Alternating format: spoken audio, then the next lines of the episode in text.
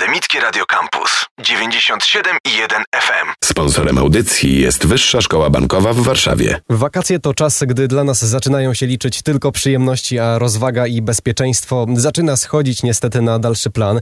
Choć zazwyczaj o tym nie myślimy w czasie urlopu, czeka nas wiele zagrożeń, także tych, które mogą przyjść do nas z sieci. Oszuści niestety nie biorą urlopu i to będziemy teraz powtarzać i czekają na chwilę naszej nieuwagi. Czy chwalenie się wyjazdem w mediach społecznościowych jest bezpieczne?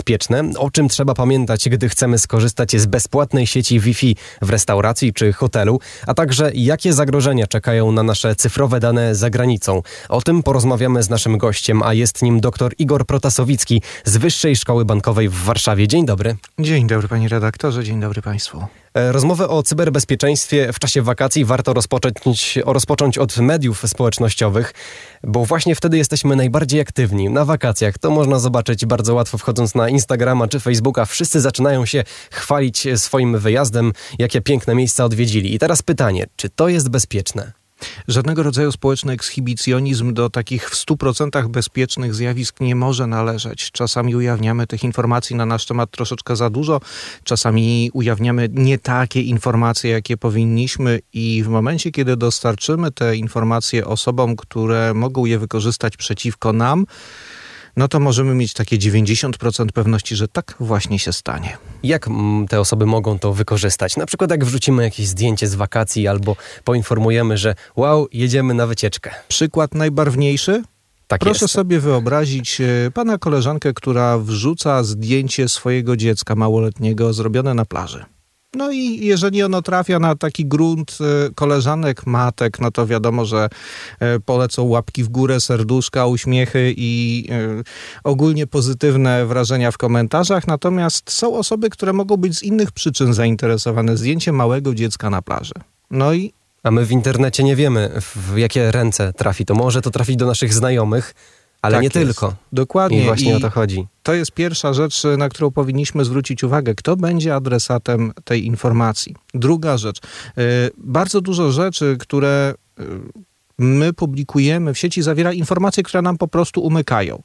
Y, Statystycznie około 80% informacji, które docierają do naszego organizmu, no bo y, pamiętajmy, że pięć zmysłów, którymi, y, które, które mamy do dyspozycji, czyli dotych, węch, wzrok, smak, słuch, one cały czas rejestrują to, co się wokół nas dzieje. Rejestrują strukturę powierzchni, temperaturę otoczenia, wilgotność, e, rejestrują barwę światła, otaczający nas e, świat, dźwięki i, i zapachy. To wszystko nas omija.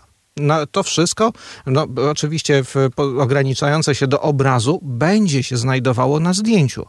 My z tego zdjęcia wyłapiemy tylko to, co nas interesuje. Sukienkę e, koleżanki, garnitur kolegi, buty, e, samochód, e, elementy mieszkania. Natomiast system komputerowy wyłapie absolutnie wszystko, co się na tym zdjęciu dzie- znajduje.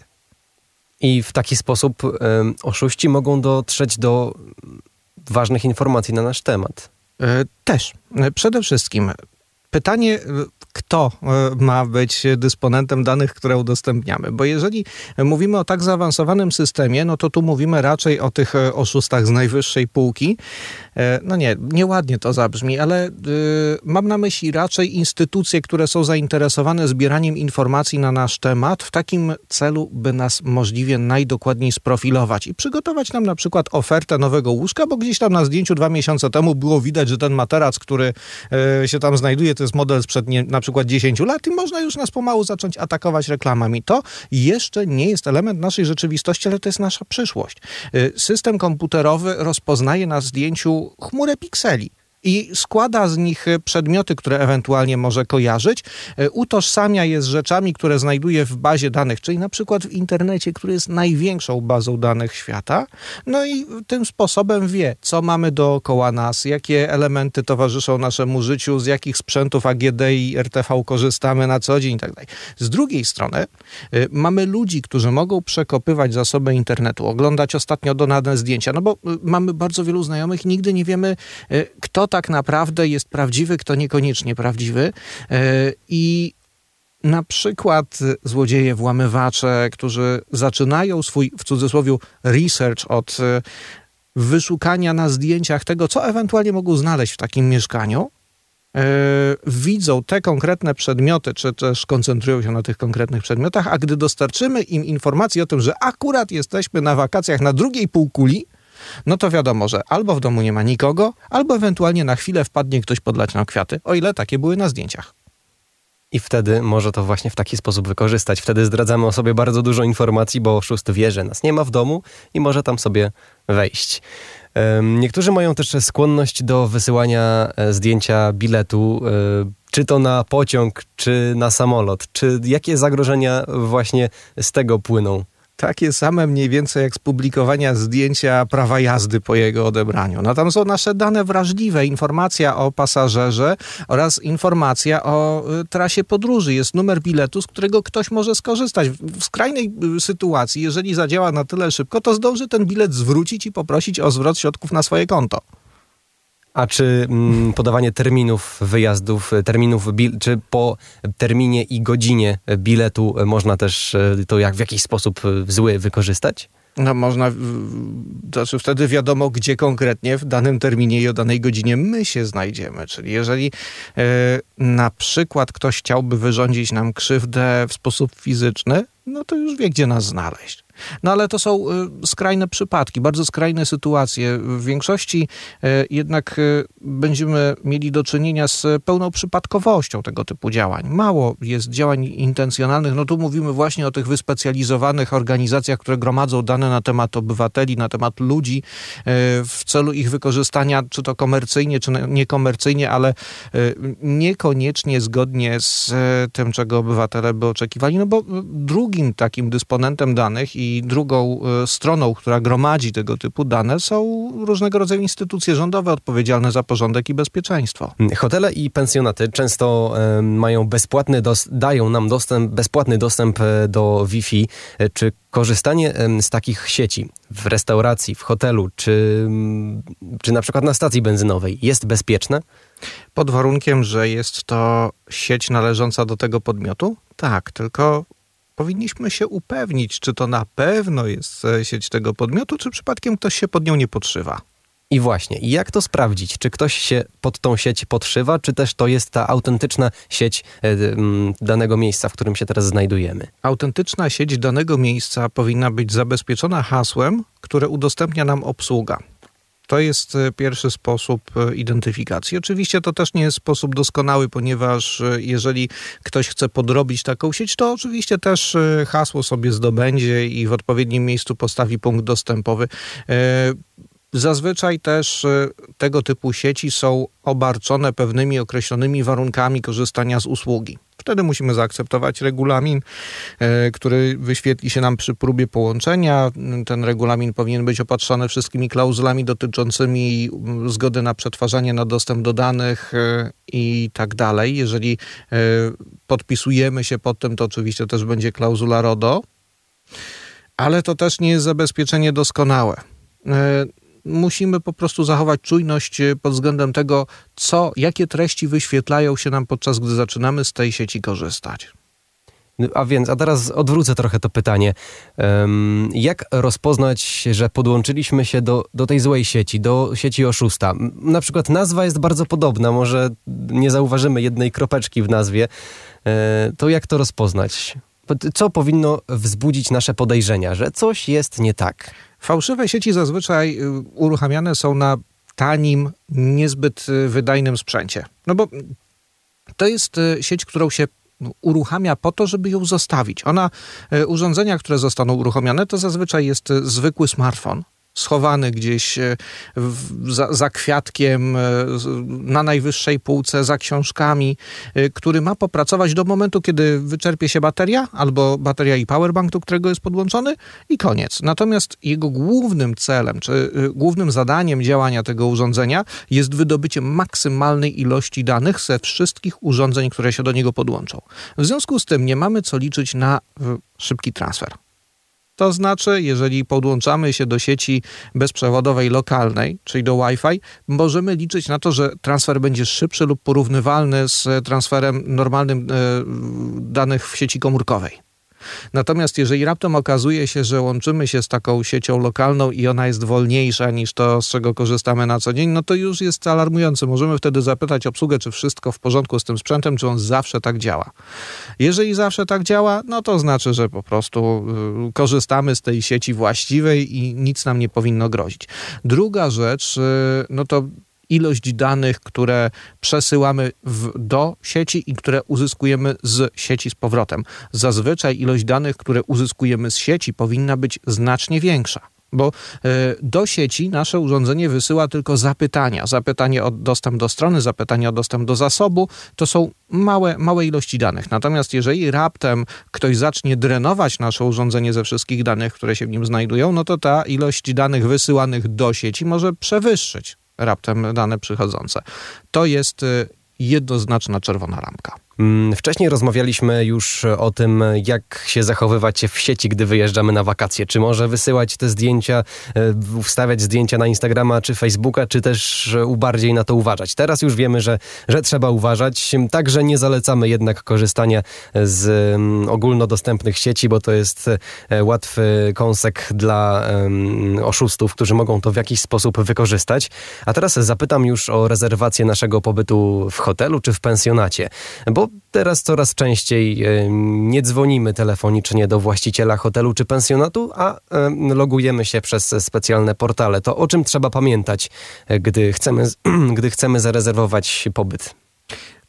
Korzystanie z aplikacji takich jak Booking.com czy Airbnb jest bezpieczne. To są zabezpieczone transmisje danych, to są e, zabezpieczone dane osobowe, którymi się posługujemy przede wszystkim nasze, dane płatnicze. E, możemy się zabezpieczyć nawet kaskadowo. To znaczy nie podawać bezpośrednio numeru naszej karty płatniczej, a skorzystać z zewnętrznego systemu płatności. Wtedy nawet ten usługodawca nie ma informacji o tym, jaką kartą się posługujemy, jaki jest jej numer, tylko będzie o tym wiedział pośrednik, któremu na przykład ufamy. Y, jeśli chodzi o rezerwację i korzystanie później z usługi, no to dziś wszystko potrafi dziać się nawet bezobsługowo. Są hotele przecież, w których nie ma recepcji takiej w klasycznym tego, tego znaczeniu, tylko podchodzimy do drzwi hotelowych, wpisujemy kod, który dostaliśmy w rezerwacji, wchodzimy do środka, po skończeniu pokój jest e, oczywiście po nas sprzątany, a e, my nie mamy do, do czynienia z żadnym żywym e, człowiekiem po drodze no to w tej sytuacji jakoś bardzo obawiać się nie powinniśmy, chyba że E, wrócimy do naszej rozmowy sprzed chwili, e, pochwalimy się tym, e, gdzie nie trzeba lub kiedy nie trzeba, no i w międzyczasie ktoś nam obrobi mieszkanie to cały czas trzeba uważać, nawet gdy coś jest bezpieczne. Cały, to, cały czas trzeba trzymać rękę na pulsie. A teraz wrócę jeszcze do takiego starszego modelu rezerwowania pobytu w hotelu czy pensjonacie, czyli do dzwonienia do właściciela i umawiania się, że przyjedziemy danego dnia. No i dany właściciel czasami chce od nas zaliczki. No i czytałem, że zdarzają się takie sytuacje, że niektórzy właściciele oczekują od nas przesłania na przykład skanu dowodu czy naszej karty kredytowej. To co w takiej sytuacji robić? Nikt nie ma prawa żądać od nas skanu dowodu osobistego. Nigdy. To nam gwarantuje RODO czyli e, pracodawca nawiązując z nami umowę e, o wykonanie jakiegoś dzieła, czy to umowa o pracę, czy umowa o dzieło, czy zlecenie, czy, czy jakakolwiek inna forma, nie ma prawa żądać od nas skanu dowodu. Tak samo żaden usługodawca nie ma prawa żądać od nas skanu dowodu. Żądanie jakiejś zaliczki e, oczywiście wchodzi w grę, ale w tym przypadku lepiej, żeby ta zaliczka trafiła na konto podmiotu, z którego usług już korzystaliśmy. Jeżeli pierwszy raz e, korzystamy z usług danego pensjonatu, domu wypoczynkowego, agroturystyki, no ja bym uważał jednak na zaliczkowanie pobytu. W tym przypadku lepiej jest zdać się na e, takiego pośrednika w postaci choćby Booking.com, który może pobrać jakąś część e, opłaty za pobyt w postaci zaliczki i w momencie, kiedy my nie skorzystamy jednak z tej usługi, albo całość, albo część wraca na nasze konto. Natomiast e, co w przypadku, gdy pomylimy jedną cyferkę w numerze telefonu, sytuacja zdarza się dość często i ktoś już się przyzwyczaił do tego, że pieniądze mogą trafiać na jego konto. A teraz chciałbym odejść od tematu um, rezerwowania e, hoteli czy tam pensjonatów um, i zapytam o bankomaty, bo w czasie wakacji bardzo często z bankomatów korzystamy, gdy kończą nam się pieniądze, a chcemy zjeść nagle gofra, e, to idziemy do bankomatu. Um, o czym musimy pamiętać? Które, na które bankomaty powinniśmy zwrócić uwagę i do, do nich nie podchodzić? Tu nie ma sensu stygmatyzować e, konkretnych urządzeń czy konkretnych sieci. Nie, po prostu musimy zwrócić uwagę na ewentualne nieprawidłowości w konkretnym egzemplarzu. To znaczy, jeżeli e, na przykład port, do którego wprowadzamy kartę płatniczą, jest krzywy, źle osadzony, odstaje jakoś tak nietypowo, działa nie tak jak trzeba, to znaczy, że może być na nim e, zainstalowana nakładka skanująca kartę.